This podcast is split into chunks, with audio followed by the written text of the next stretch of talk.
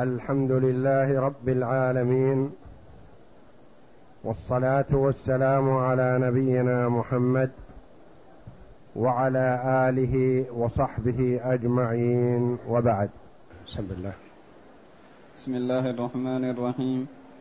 قال المؤلف رحمه الله تعالى وبلوغ الجارية بهذه الثلاثة وتزيد بشيئين الحيض لقول رسول الله صلى الله عليه وسلم لا يقبل الله صلاة حائض إلا بخمار رواه الترمذي وقال حديث حسن ولأنه خارج يلازم البلوغ غالبا أشبه المني قول المؤلف رحمه الله تعالى وبلوغ الجارية بهذه الثلاثة ذكر رحمه الله الأمور التي يظهر فيها بلوغ الولد الذكر وهي الاحتلام وبلوغ خمس عشرة سنة ونبات الشعر الخشن حول القبل نبات العانة. هذه ثلاثة أمور أي واحد منها وجد عند الغلام يعني الذكر عرف بلوغه. فالاحتلام علامة البلوغ وبلوغ الخمسة عشر. أولا الاحتلام دليله رفع القلم عن ثلاثة وعن الغلام وعن الصبي حتى يحتلم. وبلوغ خمس عشرة سنة حديث عبد الله بن عمر بن الخطاب رضي الله عنهما. يقول عرضت على النبي صلى الله عليه وسلم وأنا ابن أربع عشرة سنة فلم يجزني للجهاد في سبيل الله لأنه صبي. وعرضت عليه وأنا ابن خمس عشرة سنة فأجازني. الثالث نبات الشعر الخشن حول القبل لحديث عطية العوفي أنه كان من بني قريظة الذين حكم فيهم سعد رضي الله عنه أن تقتل مقاتلتهم وأن تسبى ذراريهم. فبعض الغلمان اشتبه فيه. أهو قد بلغ مقاتل أم هو من الذرية؟ ولا يصدقون في سؤالهم عن الاحتلام وعن بلوغ الخمس عشرة سنة فأمر النبي صلى الله عليه وسلم أن يكشف عن مئزر الولد وينظر. إن كان قد أنبت فهو من المقاتلة من البالغين. وإن كان لم ينبت فهو من الذرية. هذه ثلاثة علامة للذكر. وكذلك الأنثى. هذه الثلاثة كذلك. الاحتلام وبلوغ الخمس عشرة سنة ونبات الشعر الخشن حول قبولها. وتزيد إثنان. أحدهما الحيض. إذا حاضت علم أنها بالغة. لقوله صلى الله عليه وسلم لا يقبل الله صلاة حائض إلا بخمار. الحائض لا تصلي لكن المراد من بلغت سن المحيض. بلغت سن المحيض فهي امرأة فلا بد أن تغطي شعرها وجسمها. بخلاف من لم تبلغ سن المحيض فعورتها من السرة إلى الركبة لأنها صبية. فإذا بلغت سن المحيض فهي امرأة فلا تصح صلاتها إلا بخمار تغطي به رأسها وتغطي جميع بدنها. ولأنه خارج يلازم البلوغ الحيض غالبا ما يخرج منها مع المرأة من المرأة وهي بنت ست أو سبع أو ثمان. قال الفقهاء رحمهم الله لا حيض قبل تسع سنين ولا بعد خمسين سنة. فالحيض في خلال المدة من بعد التسع سنين إلى مدة خمسين سنة. خمسين سنة فما فوق سن الياس. ما دون التسع صبية ما تحيض. وأول سن للمحيض غالبا يعني توجد عند المرأة سن تسع. قبل التسع ما تحيض. لأنه خارج يلازم البلوغ غالبا أشبه المني. المني ما يخرج من الذكر ولا من الأنثى إلا عند بلوغه إذا بلغ. قبل أن يبلغ حتى لو جامع ما يكون معه مني. نعم.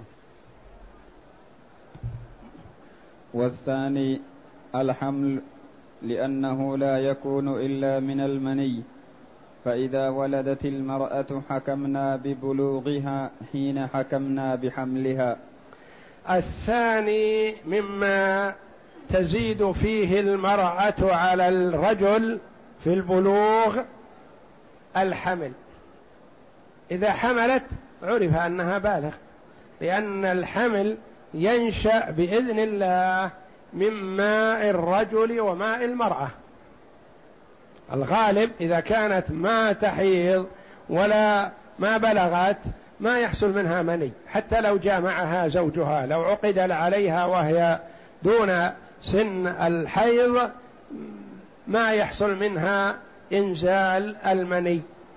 فهو يحصل مع البلوغ إذا بلغت. فإذا حملت عرف أنها قد أنزلت وبلغت. متى يعلم؟ إذا ولدت. إذا ولدت يحكم ببلوغها منذ حملت. منذ حملت يكون هو وقت بلوغها. نعم.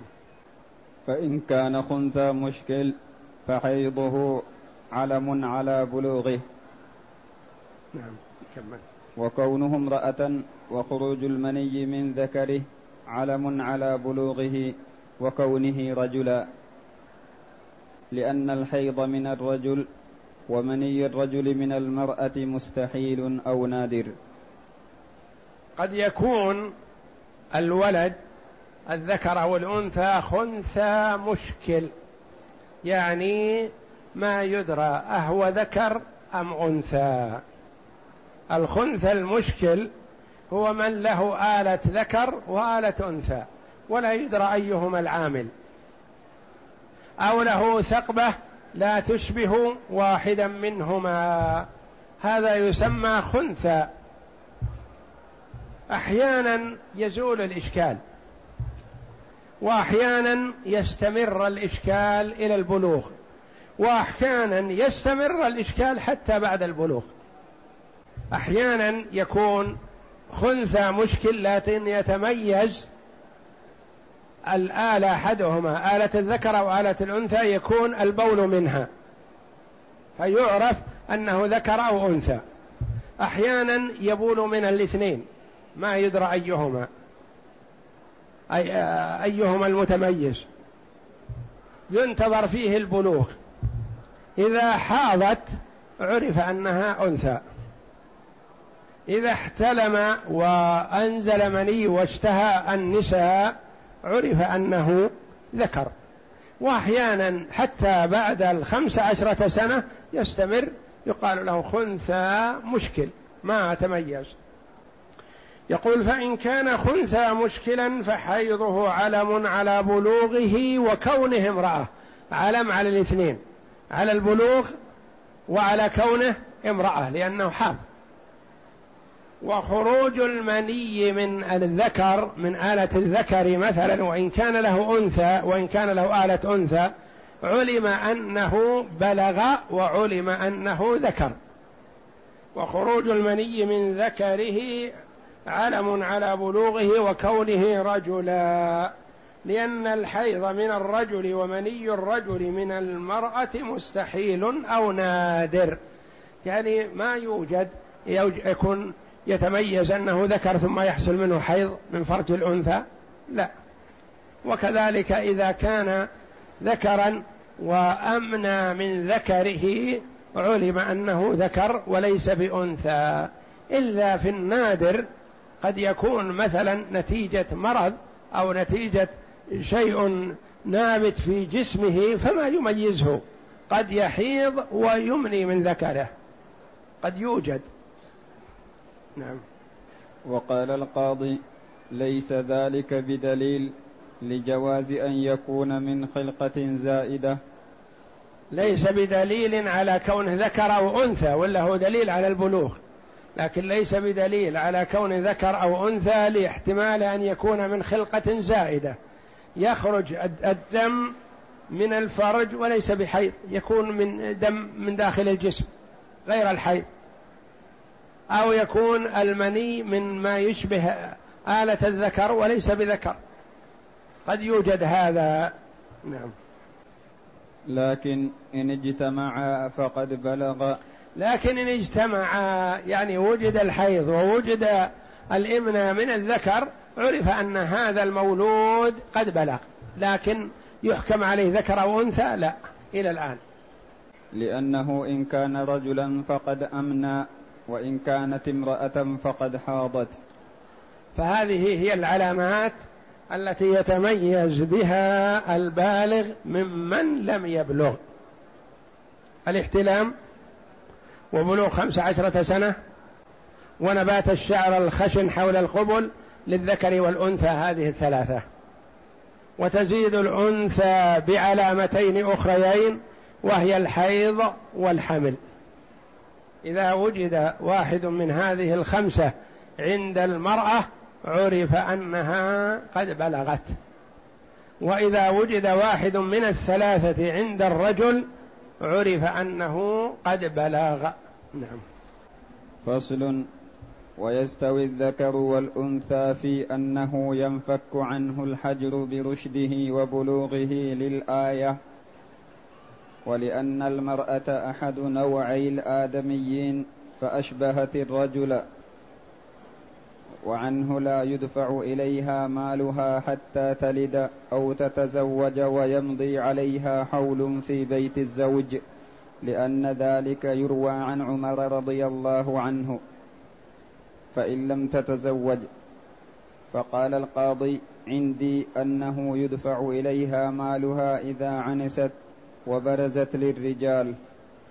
يقول رحمه الله ويستوي الذكر والأنثى في أنه ينفك عنه الحجر برشده.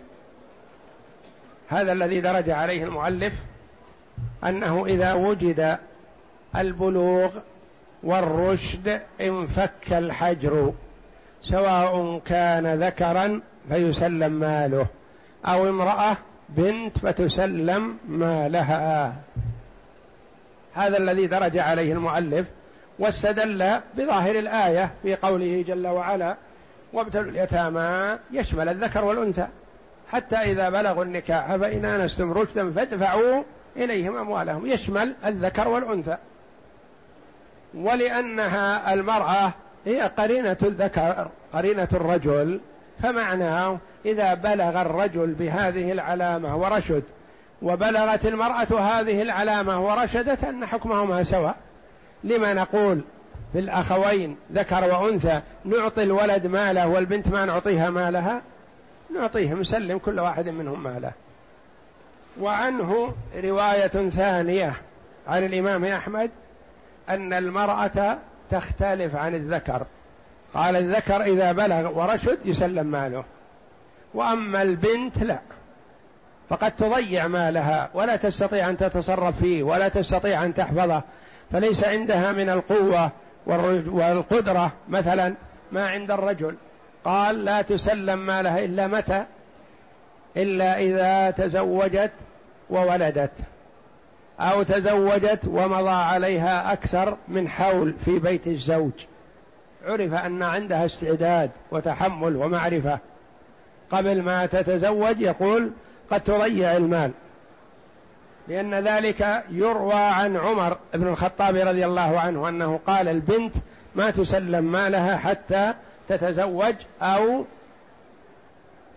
تلد بعد زواجها أو تبقى في بيت الزوج فترة يعرف قدرتها على حسن التصرف في مالها ويقول القاضي أبو يعلى رحمه الله عندي أنه يدفع إليها مالها إذا عنست. افرض أنها مثلا ما تزوجت. ما تزوجت تمنع من مالها باستمرار. قال القاضي لا إذا عنست يعني عرف أنها كبرت وأدركت تسلم ما لها لأن العانس بخلاف الصغيرة فإن العانس يكون عندها حسن تصرف. نعم. فصل والرشد الصلاح في المال لأن ابن عباس رضي الله عنهما قال في قوله تعالى فإن آنستم منهم رشدا قال إصلاحا في أموالهم ولأن الحجر عليه لحفظ ماله. فيزول بصلاحه كالعدل ولأن الفسق معنى لو طرأ بعد الرشد لم يوجب الحجر فلم يمنع من الرشد فلم يمنع من الرشد كالمرض. فإن كان فسقه يؤثر في تلف ماله كشراء الخمر ودفعها في الغناء والقمار فليس برشيد لأنه مفسد لماله. يقول رحمه الله فصل والرشد. ما المراد بالرشد في قولكم الرشد؟ هل هو الصلاح في الدين والاستقامة والمحافظة على الصلوات الخمس والبعد عن المحرمات وعن قرناء السوء؟ هذا المراد بالرشد؟ قال لا. المراد بالرشد ما فسر علماء السلف رحمة الله عليهم الآية به. لأن الله جل وعلا يقول فإن آنستم منهم رشدا فادفعوا إليهم أموالهم. رشيد في المال في البيع والشراء لا يغلب. ويحسن الشراء ويعرف كيف الربح يؤتى وكيف يتصرف في بيعه وشرائه مثلا لكنه إنسان عنده شيء من الفسق. هل هذا يسلم ماله أو يمنع؟ يقول حتى تستقيم دينا وخلقا. يقول ابن عباس رضي الله عنهما لا. إذا كان يحسن التصرف في ماله وإن كان فاسق في دينه يعطى ماله. لأن الحجر عليه لحظ ماله. لحظه من شان ماله. فإذا كان يحسن التصرف في ماله فنسلمه ماله. قد يكون السفه هذا في خطر على المال. وسفه آخر لا خطر على المال فيه. أيهما المؤثر؟ إذا كان إذا أعطي المال ضيعه في المحرمات. هل يسلم ماله؟ لا. إذا كان يقع في المحرمات لكن ماله يحفظه ولا يفرط فيه فيسلم ماله ويدعى إلى الصلاح والاستقامة لكن لا يحرم من ماله من أجل فسقه. لأن ابن عباس رضي الله عنهما قال في قوله تعالى فإن آنستم منهم رشدا في قوله تعالى وابتلوا اليتامى حتى إذا بلغوا النكاح فإن آنستم منهم رشدا فادفعوا إليهم أموالهم. ما هذا الرشد المؤنس؟ قال إصلاحا في أموالهم. يرجع إلى تفسير ابن عباس رضي الله عنهما ببركة دعوة النبي صلى الله عليه وسلم له حيث دعا له بقوله اللهم فقهه في الدين وعلمه التأويل يعني تفسير القرآن.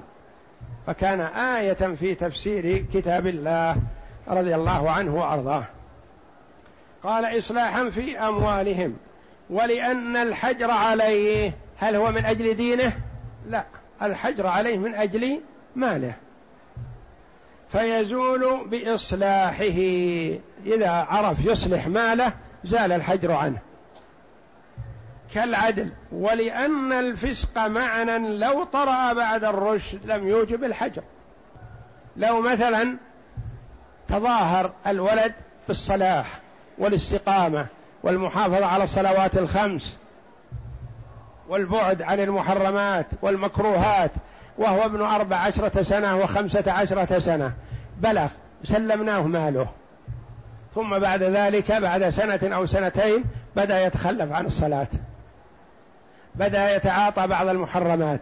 هل نحجر عليه في ماله؟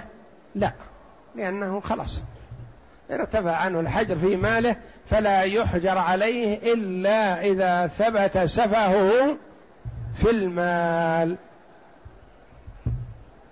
فلم يمنع من الرشد كالمرض مثل لو كان ابن خمسة عشر سنة يحسن التصرف في ماله والسفر والذهاب والمجيء والضرب في الأرض بالتجارة ونحو ذلك. لكن بعدما بلغ ثمانية عشر سنة صار في فراشه مريض. ما يحسن البيع والشراء. هل يحجر عليه؟ لا. ما يحجر عليه لأن هذا مرض يعرض لكل أحد. ولا وليس بسفه. مرض ما يستطيع البيع والشراء وال والمخاصمة والمجادلة والمماكسة. في سوم السلع ونحو ذلك لمرضه فما يوجب هذا الحجر عليه. إلا إن كان فسقه في ماله. قال يضيع ماله في الخمر فهذا حرام ولا يجوز ويحجر عليه. أو يضيع ماله في الغنى فيحجر عليه. أو يضيع ماله في القمار والمغامرة في المال إما يربح كثيرا أو يخسر كثيرا فيحجر عليه حينئذ لأنه سفيه في هذه الحال. نعم. فصل وإنما يعرف رشده باختباره لقول الله تعالى وابتلوا اليتامى يعني اختبروهم واختبارهم تفويض التصرفات التي يتصرف فيها أمثالهم إليهم من تجارة أو نيابة. ويفوض إلى المرأة ما يفوض إلى ربة البيت من استئجار الغزالات وتوكيلها في شراء الكتان والاستيفاء عليهن. ووق... وإنما يعرف رشده. كيف يعرف رشد الذكر؟ والأنثى. قال يفوض له التصرف مبدئيا شيئا فشيئا اختبار. يكلف بشراء بعض الحاجيات للبيت. يكلف بعض الشراء بشراء بعض الأشياء للربح. ينظر هل يستطيع يبيع ويشتري ويحسن آه، الأشياء التي فيها ربح فيشتريها. والأشياء التي فيها خسارة يجتنبها أم لا يبالي؟ يفوض له شيء من هذا. وكذلك البنت مثلا تكلف فيما يتعلق بالنساء من شراء ما يختص بالنساء في البيت ونحو ذلك. مثل رحمه الله بقوله كاستئجار الغزالات يعني اللاتي يغزلن يغزلن القطن والصوف يعني قال لها اشتري قطن تدخل السوق تشتري ننظر في شرائها هل تحسن الشراء أو لا؟ تشتري صوف تستأجر غزالات أو خياطات أو نحو ذلك ننظر هل هي تحسن الاستئجار أو لا؟ فنسلم لها مالها وإن كانت لا تحسن فنخشى إذا سلمناها مالها خلال سنة أو ستة أشهر وإذا هو نفد ضيعته. نعم. ووقت الاختبار قبل البلوغ في ظاهر المذهب لقوله سبحانه وابتلوا اليتامى حتى إذا بلغوا النكاح ولأن تأخيره يؤدي إلى الحجر على البالغ الرشيد حتى يختبره. ولا وقت الاختبار متى؟ قال قبيل البلوغ. لما لا يكون بعد البلوغ؟ قال إذا كان بعد البلوغ لزم أن نكون حجرنا على بالغ ولا يجوز الحجر على بالغ إنما نختبره قبل البلوغ. فإذا وجدنا منه القدرة عند البلوغ رفعنا الحجر عنه. وإنما يعرف رشده متى؟ باختباره. ووقت الاختبار قبل البلوغ يعني قبيل البلوغ. في ظاهر المذهب لقوله تعالى وابتلوا اليتامى يعني اختبروا اليتامى. البالغ ما يقال له يتيم. وإنما من دون البلوغ هو الذي يختبر الذي هو سن المراهقة كما سيأتي. نعم. ولا يختبر إلا المراهق المميز الذي يعرف البيع والشراء فإذا تصرف بإذن وليه صح تصرفه. لأنه متصرف بأمر الله تعالى. فصح من الذي يختبر؟ هل نختبر أبو ست سنوات؟ نقول ادخل اشتر عقار اشتر كذا. أبو سبع سنوات ثمان تسع لا. هؤلاء صغار. إذا آنسنا منه الرجولة والقدرة يعني ابن أربعة عشر سنة ابن ثلاثة عشر سنة رأينا منه شيء من النباهة والانتباه والاهتمام قلنا له اشتر كذا واشتر كذا لنختبره. فيختبر عند البلوغ يعني قبيل البلوغ سن المراهقة. أما ما قبل هذا بزمن فلا يختبر لأنه غير صالح للاختبار حينئذ. وفيه رواية أخرى. فإذا تصرف بإذن وليه للاختبار صح تصرفه. ما يقال هذا تصرف صغير. نقول ما دام أذن له وليه فهو ما يحصل اختباره ومعرفة رشده إلا بأن يؤذن له في البيع. فإذا قلنا يؤذن له بالبيع ولا يصح بيعه هذا يعتبر تناقض. وإنما يصح بيعه إذا كان بإذن وليه. نعم. وفيه لأنه متصرف بأمر الله. ما هو أمر الله؟ هو قوله جل وعلا وابتلوا اليتامى. نعم. وفيه رواية أخرى لا يختبر إلا بعد البلوغ لأنه قبله ليس بأهل للتصرف لأنه الرواية الأخرى تقول لا تختبر الصبي حتى يبلغ. قبل البلوغ ما عنده استعداد للبيع والشراء. ما يصح اختباره. نقول الله جل وعلا يقول وابتلوا اليتامى. يقول ما المراد اليتامى الذين كانوا في حال اليتم عند بلوغهم. يقول لا تختبروهم إلا عند بلوغهم لأنه قبل البلوغ يكون غير أهل. هذه الرواية الثانية نعم. لأنه لم يوجد البلوغ الذي هو مظنة العقل. فكان عقله بمنزلة المعدوم. يقول اللي ما عنده بلوغ معناه كان ما عنده عقل فما يصلح أننا نختبره. نعم. وفي تصرف الصبي المميز بإذن وليه روايتان بناء على هذا.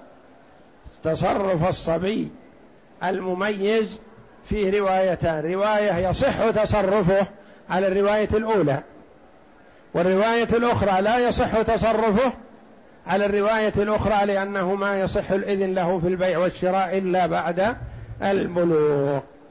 هذا المميز. أما الصبي طيب الصبي الصغير أبو ست سنوات وسبع سنوات إذا راح إلى صاحب الدكان واشترى منه مثلا هل نقول الشراء هذا غير صحيح؟ الشراء باطل ما يجوز ما يباع عليه. إذا اشترى من أشياء تخصه بريال أو بريالين أو خمسة أو نحو ذلك نقول لا هذا تعارف الناس عليه. هذا تعارف الناس عليه ويصح تصرف الصبي فيه. يصح تصرفه لأنه يتصرف فيما في يده من دراهم بسيطة. فتعارف الناس على الإذن في هذا ويأتي الدليل على ذلك. نعم. فأما غير المأذون فلا يصح تصرفه إلا في الشيء اليسير. في الشيء اليسير عادة نعم.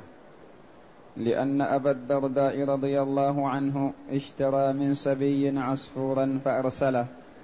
أبو الدرداء رضي الله عنه الصحابي اشترى من صبي وجد صبي يمكن له ست سنوات أو أقل أو أكثر معه عصفور يعذبه يلعب فيه. وفي هذا تعذيب للحيوان. فاشتراه رضي الله عنه من هذا الصبي لا طمعا فيه وإنما من أجل أن يرسله يكون حرا. فدل هذا على أن الشراء من الصبي والبيع عليه فيما هو على مستواه وعلى قدره لا حرج.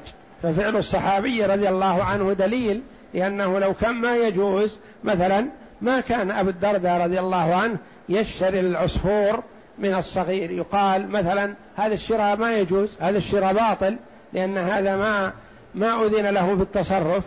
نقول الشيء البسيط لا بأس به. دليل بدليل هذا الحديث. والله أعلم. وصلى الله وسلم وبارك على عبده ورسول نبينا محمد وعلى آله وصحبه أجمعين.